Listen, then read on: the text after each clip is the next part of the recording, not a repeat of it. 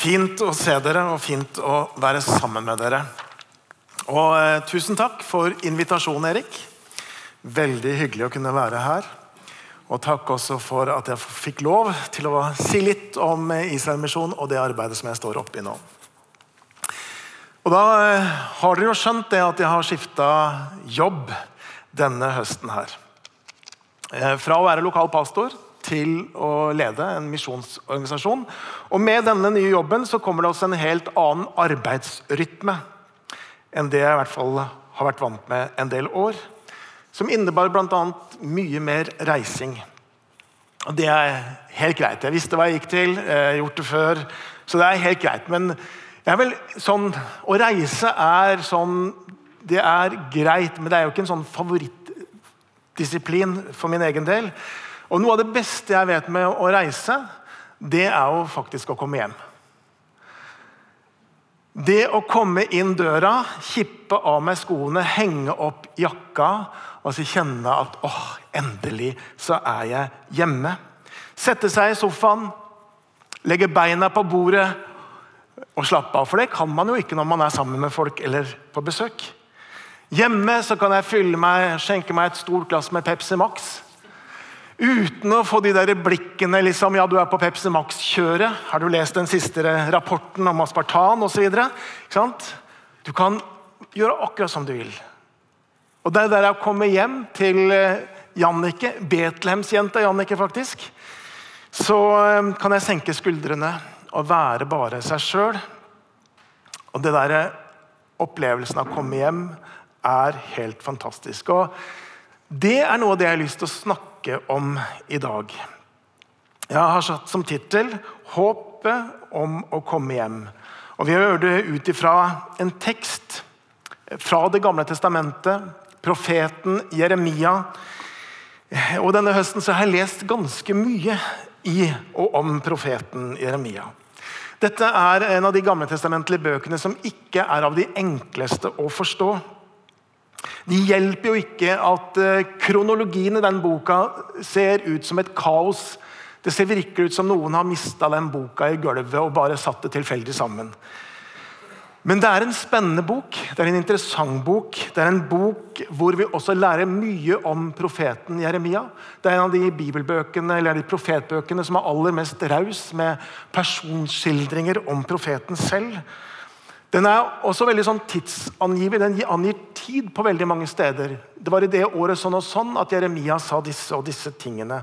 Så Den eh, knytter det opp mot helt konkrete hendelser. Det er en spennende bok. La meg bare si et par ord om Jeremia og den tiden han levde i.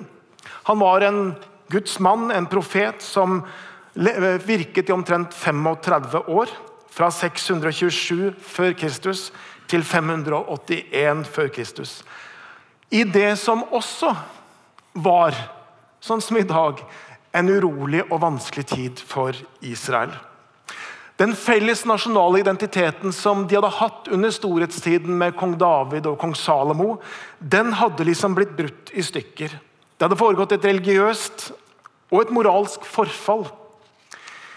Troen på Gud, at Gud var den eneste Gud, og at Gud hadde slutta pakt med sitt folk Israel, den troen den hadde forvitret. Nå var det fruktbarhetskultusene knytta til Astarte og Bal som var det som var populært på det religiøse markedet i Jerusalem. Det religiøse forfallet førte også med seg et moralsk forfall. Eh, det ga seg uttrykk i at man undertrykte fattigfolk og småkorsfolk. Det var snakk om, eller snakkes om grenseløs sånn seksuell utsvevelse. Og kanskje det mest bestialske var ofring av barn i Hinnomdalen. Man kastet barn i ilden som brant for Molok der nede. Og Som konsekvens av dette forfallet og frafallet så skjer det som Jeremia advarte mot. I 587 før Kristus så blir Judea og Jerusalem knust av det babylonske krigsmaskineriet. Og store deler av folket deportert til fangenskap i Babel. Til de bortførte, til de som har blitt tvunget ut fra land og hjem, er at Jeremia også har et trøstens budskap. Han forkynte mest dom. Men til dette folket på denne tiden så var det også et trøstens budskap om framtid og håp. Vi skal lese fra Jeremia kapittel 31 og noen utvalgte vers der, som vi skal ta utgangspunkt i denne talen. I vers 10 står det Hør Herrens ord, dere folkeslag. Forkynn det til fjerne kyster og si:" Han som spredte Israel, skal samle og vokte det slik en gjeter vokter sin flokk. Og fra vers 15.: Så sier Herren, i Rama høres skrik, klagesang og bitter gråt. Rakel gråter over barna sine og vil ikke la seg trøste, for barna hennes er ikke mer. Så sier Herren, gråt ikke så høyt, fell ikke tårer. Du skal få lønn for strevet ditt, sier Herren. De skal vende hjem fra fiendens land. Det er håp for etterkommerne dine, sier Herren. Barna skal vende hjem til sitt eget land.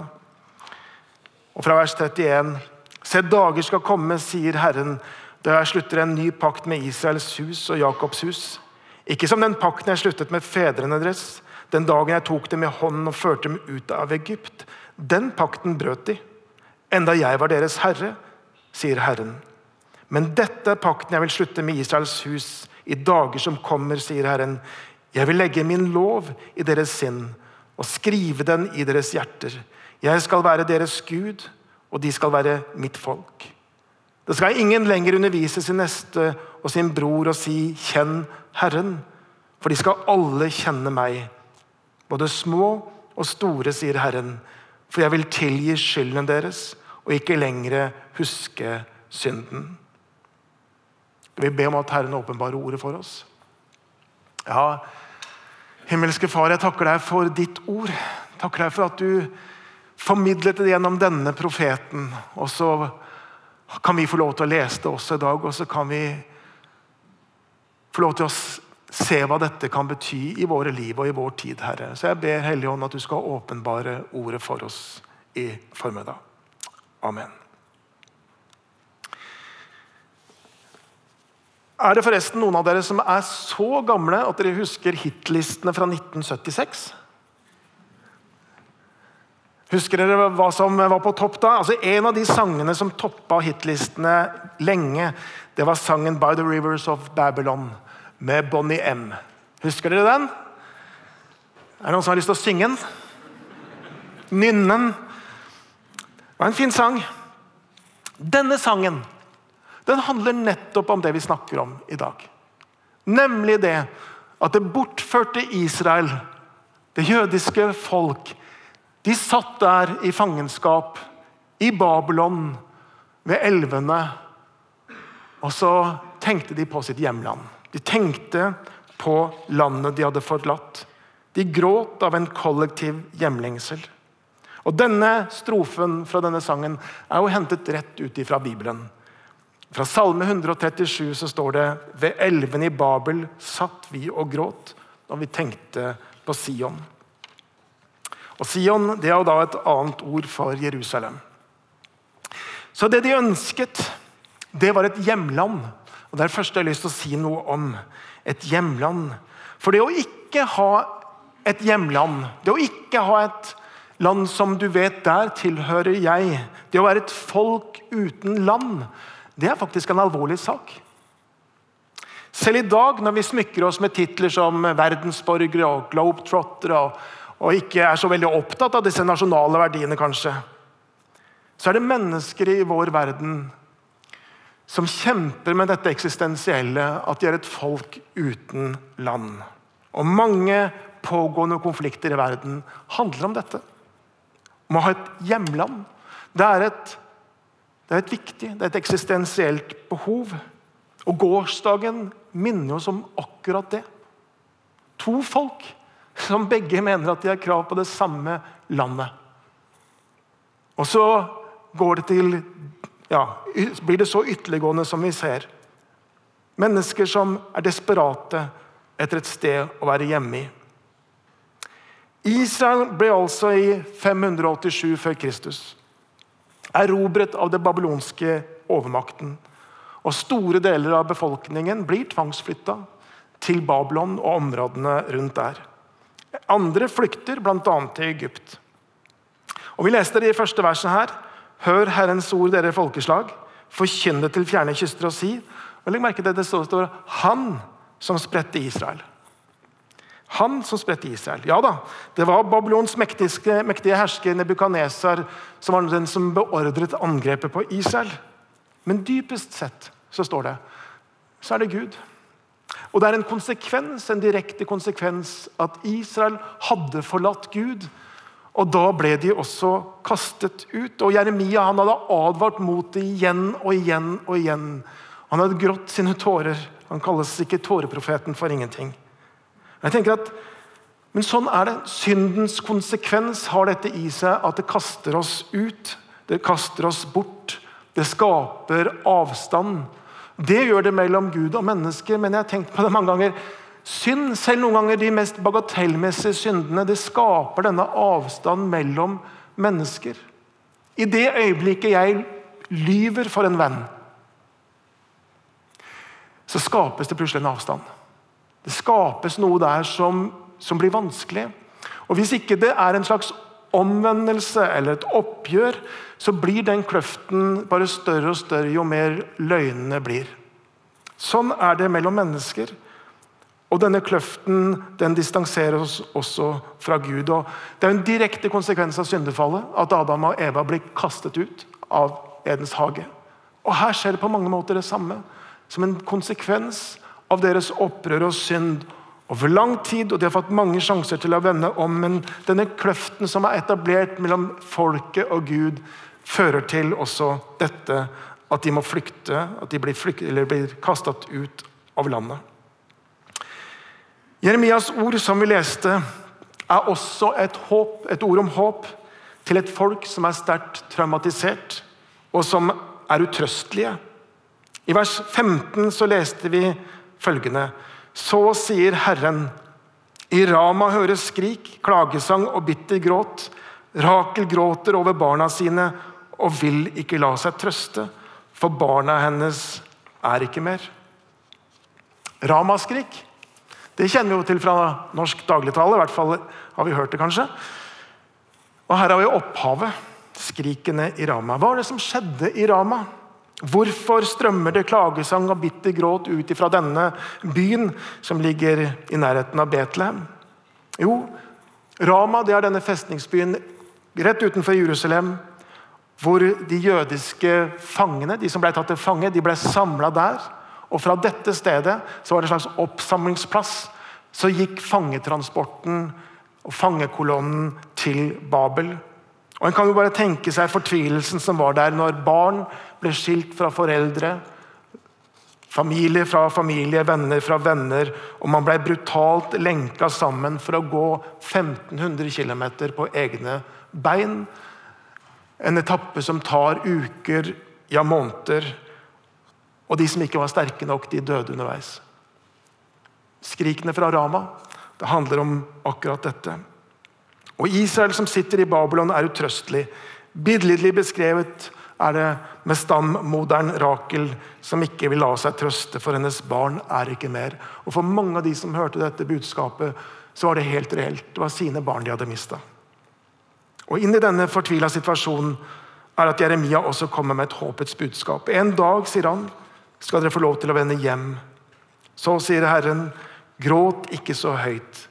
Fell ikke tårer. De skal få lønn for strevet, sier Herren. Skal, lov, de skal, få lov, til å vende hjem fra fiendens land. Det er håp for etterkommerne dine, sier Herren. Barna skal vende hjem til sitt land. Og så kan vi kanskje kjenne på noe av det. At der de sitter, så er nettopp dette et budskap om håp og om framtid. Styrket av Guds løfter, styrket av profetiske ord, så fikk jødene fikk de lov til å holde fast på håpet om at de en dag skal vende hjem. Det ble bærende, det ble livsopprettholdende i en vanskelig tid. Og de kunne si en dag, en dag skal vi kunne få vende hjem. Og så vet vi noe om hvor viktig nettopp håpet er. Og så kommer dagen. Noen tiår seinere, i 538, så er det, sin, er det det babylonske riket sin tur til å bli nedkjempa. Og etter hvert så kan det jødiske folk få lov til å vende hjem etter 70 år i fangenskap. Akkurat som profetene hadde sagt. Hva kan vi lære av dette? Er det et budskap her for oss i vår tid? Jeg tror det. Jeg tror vi kan lære at Gud er en Gud som står ved sitt ord. Gud er en Gud som holder det han lover. Hans løfter står fast. Han hadde ikke forkastet sitt folk. Enda så håpløs situasjonen syntes å være, så viser Gud sin allmakt. Og så bruker han kong Kyros av det persiske riket til å nedkjempe Babel og gi jødene lov til å komme hjem. Gud har ikke forkastet sitt folk. Det er fortsatt hans folk, det er fortsatt hans paktfolk. Det står at han har sluttet en evig pakt med de. Og Hvis du leser i Rombrevet kapittel 9, 10 og 11 og For å være helt ærlig så var det særlig Romerne kapittel 9 som ble for meg et sånt kall til å engasjere meg for det jødiske folk. Og Hvis du ikke har lest det på en stund, så les de tre kapitlene. Romerbrevet kapittel 9, 10 og 11. Og Her er Paulus krystallklar. At Gud fortsatt har et utvalgt folk. At Gud står ved sin pakt. At de er hans eiendomsfolk. Og at Gud ikke angrer sin utvelgelse og sin nådegave som står. Det er et ord vi bruker i alle mulige slags meninger, men det handler om Israel. Gud angrer ikke sin utvelgelse og nådegave. Vi leser i dag en profetisk tekst, en, en tekst fra profetene. Og for meg er det litt sånn at Når jeg leser disse profetiske tekstene, så er det litt som å gå på tur i den norske fjellheimen. Fordi profetiske tekster har ofte flere lag. Du vet, Sånn som det er på fjellet, når du går på tur og så tenker du der er toppen. Bare jeg kommer dit, så er jeg framme. Og så kommer du dit, og så oppdager du bare nei. Det var visst en annen topp som egentlig var toppen. ikke sant? Og Sånn er også disse profetiske tekster. De har flere lag. Og det er akkurat som, som når du ser det oppfylt, ja, så er det faktisk ikke helt oppfylt. Det peker fram til en ny episode i historien. Og Sånn tenker jeg også den teksten vi har for oss i dag. Og Når du går i norsk fjellheim, så er det sånn at du tenker ja, hvis det er den toppen jeg skal på, så er det jo ikke så langt dit. Men så kommer du litt opp, og så ser du bare plutselig ja, men den toppen er jo fryktelig langt unna. Det er jo en dal mellom her. Jeg må gå ned, og jeg må gå opp alle høydemeterne som jeg har gått opp så langt. Og der et sted så er toppen. Sånn er det med de profetiske tekstene også. Det er lag på lag, og noen ganger så er det kanskje hundrevis av år mellom to vers i den samme profetien. Og Sånn er det i denne teksten her, og det skal vi se litt på. Tilbake til sangen 'By the Rivers of Babylon'. Den var veldig fin. Jeg likte den veldig godt. Hvorfor ble det en hit? har jeg tenkt. Jo, den var en catchy låt. Den passet sikkert godt på dansegulvet, selv om jeg aldri har vært utpå der. Men kanskje er det også noe i denne teksten som treffer noe i oss mennesker. Og En liten sånn fun fact.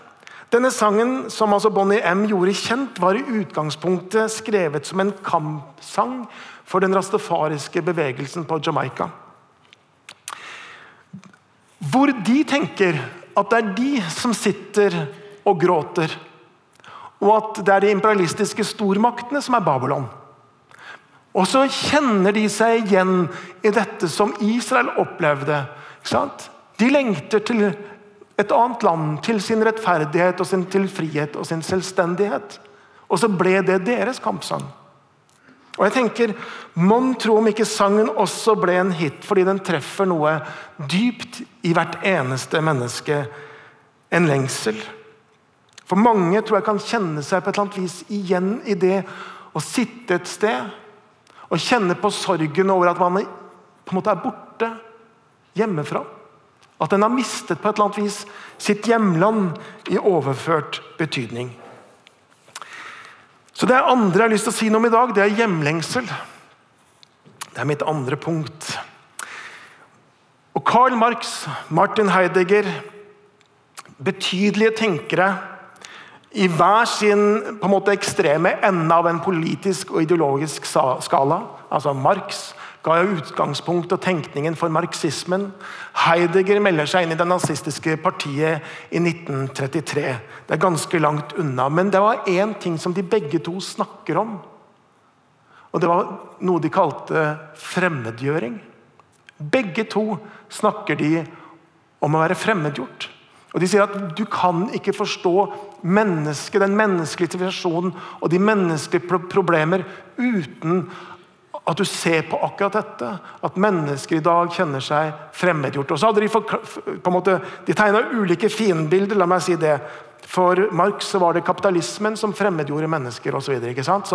Men, men de hadde sett noen ting. At veldig mange opplever en form for en fremmedgjøring. Og Kanskje er det nettopp derfor bøker, filmer, sanger som tematiserer hjemlengsel, treffer oss. Den berører noe dypt eksistensielt inni oss. Ta f.eks.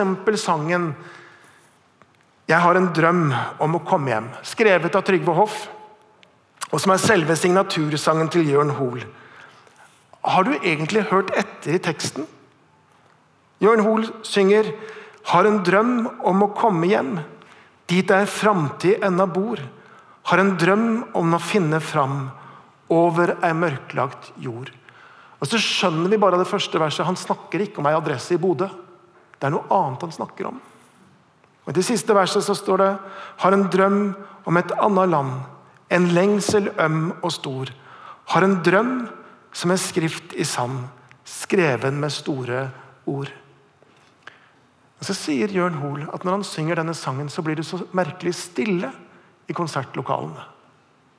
Og jeg tror at det er noe i dette som treffer, berører noe veldig allmennmenneskelig.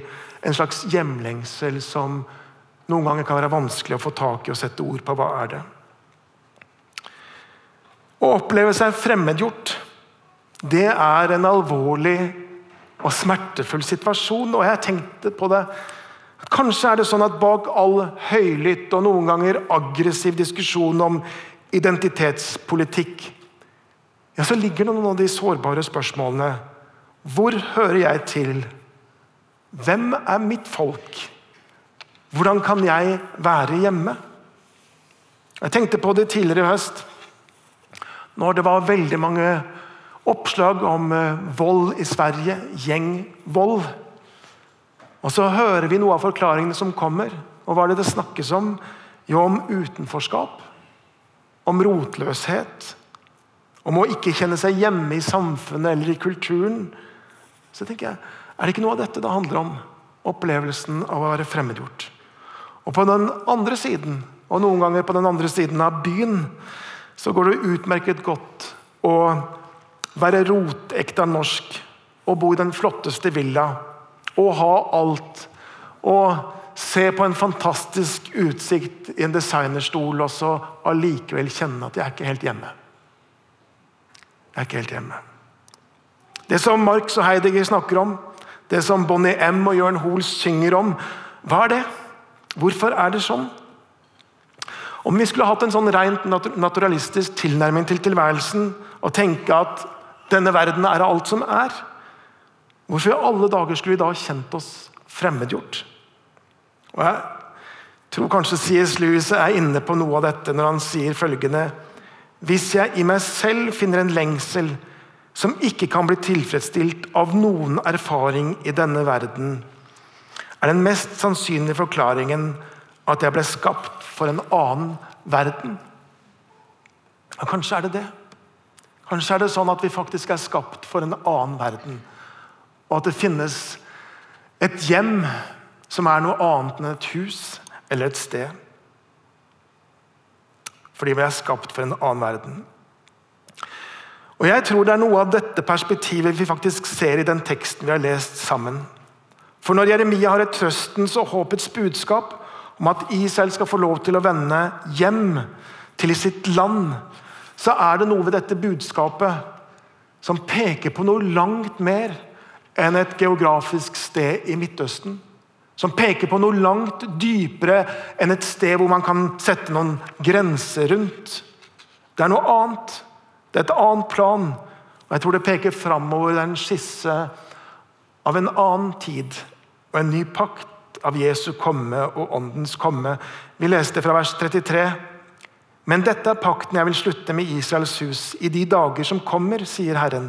Jeg legger min lov i deres sinn og skriver den i deres hjerte. Jeg skal være deres Gud, og de skal være mitt folk. Da skal ingen lenger undervise sin neste og sin bror og si 'Kjenn Herren', for de skal alle kjenne meg. Vi har en profeti som har disse lag på lag på lag. Og så plutselig så ser vi at her kommer det inn noe, en ny tid, ja, som ligger 500-600 år framme. Men det er med i dette bildet. Og I Det gamle testamentet så er det mange løfter om at Israel skal få lov til å vende tilbake til sitt hjemland. Men hvis du leser i veldig mange av de, så sprenger disse løftene nettopp rammen av tid og rom og viser til noe mer, til noe annet. Til en ny tid, en ny pakt.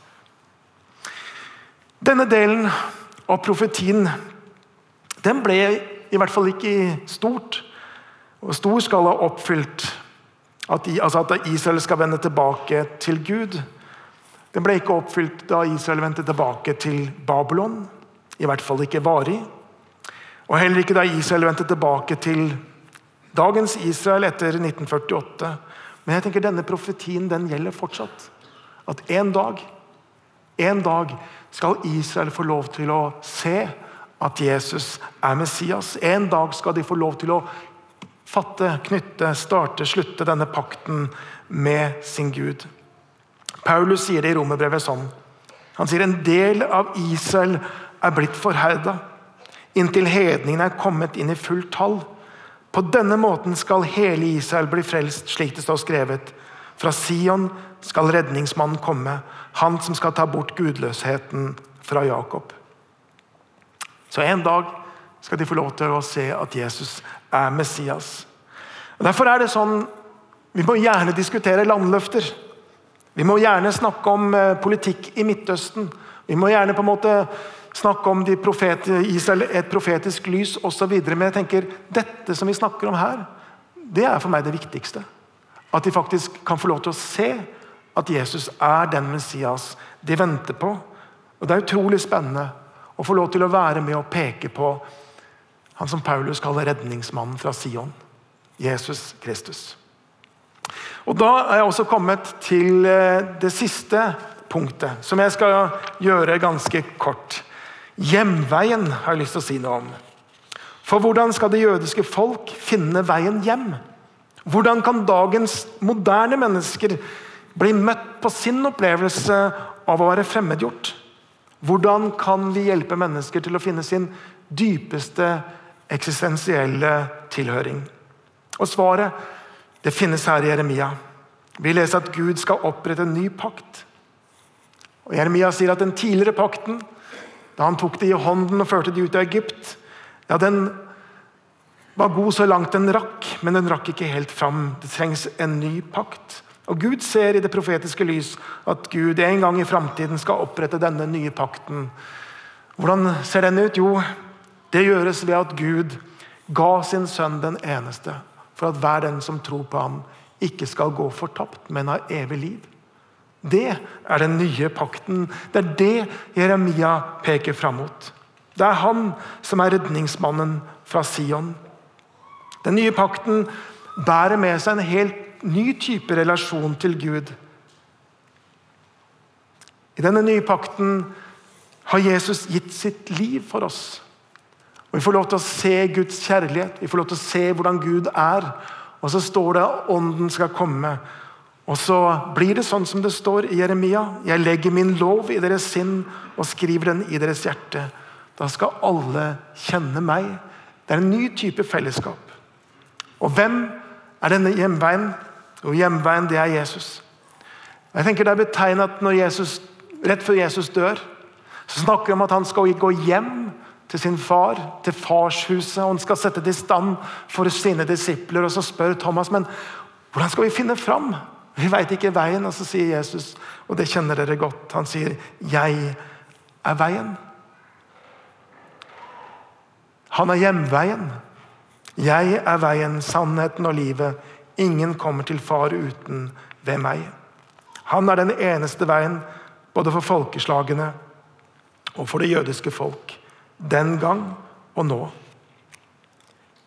Og mens Jesus-troen vokser i vår tid altså Denne uken så var det i avisen at uh, nå er det 2,6 milliarder kristne eller Jesus-troende. En tredjedel av jordens befolkning. Aldri har det vært så mange kristne på jorden som i dag. Aldri har det vært så stor andel av verden som har vært kristne som i dag. Men når det kommer til det jødiske folk, så er situasjonen annerledes. Selv om det har vært vekst i den messianske bevegelsen de siste tiårene. Den har økt med over eh, tregangen på de siste 20 år. Så er det likevel sånn at mindre enn 1% av det jødiske folk tror på Jesus som Messias. Det er å regne, og per definisjon, et unådd folkeslag. Det kjenner jeg smerter meg når vi vet at det var dette folket som var Jesus sitt folk. Alle disiplene var jøder. Det var en jødisk bevegelse. Og så skjedde det noe. Det kom et dekke for øynene. Og så har min bønn vært hvordan kan jeg bidra inn i dette? Jeg ønsker å være med og bidra. At flere kan få lov til å se at Jesus er Messias. Jesus inviterer Guds utvalgte folk til å vende tilbake, til å komme hjem. Og Jesus er også deres hjemvei. Og Jesu invitasjon til alle i vår tid, i alle i vår verden, til alle som kjenner seg fremmedgjort, som kjenner seg hjemløse, som strever med tilhørighet, det er å kunne finne hjem til Gud. Jesu budskap til alle bortkomne sønner og døtre som har endt opp et sted man ikke ønsker, er dette. Kom hjem, og der står det en far med en åpen favn som ønsker å ta imot deg og overøse deg med nåde og kjærlighet. Det er det som er invitasjonen fra Gud. Og Det er dette budskapet som jeg tenker vi kristne kan få lov til å gå med. Som lokal pastor så har jeg aldri hatt noe ønskelig intensjon om å prakke evangeliet på mennesker som ikke vil ha det. Det, det, ligger ikke for meg. Kanskje noen har en gave for det. Men jeg har kjent at jeg har veldig lyst til å hjelpe mennesker som er søkende, som er lengtende, som strever med å finne hjem. Jeg har veldig lyst til å hjelpe dem til tro på Jesus og til et liv. Til dette fantastiske livet. Unike livet sammen med Han. Det ønsker jeg å gjøre. Og Det er også grunnen til at jeg nå er engasjert i misjon, særlig retta mot jødiske folk. For også der er det så mange som dypest sett lengter etter å møte Jesus. Jeg vil være med å peke på Jesus. Han som frivillig ble hjemløs. Som frivillig forlot farshuset for at jeg skulle få en hjemvei. Og På korset så blir Jesus kastet ut Syndens skyld blir lagt på han. Og ved sin død og i mitt sted så åpner han en ny og levende vei. Helt inn i helligdommen. Han har jeg lyst til å være med og peke på. Skal vi be.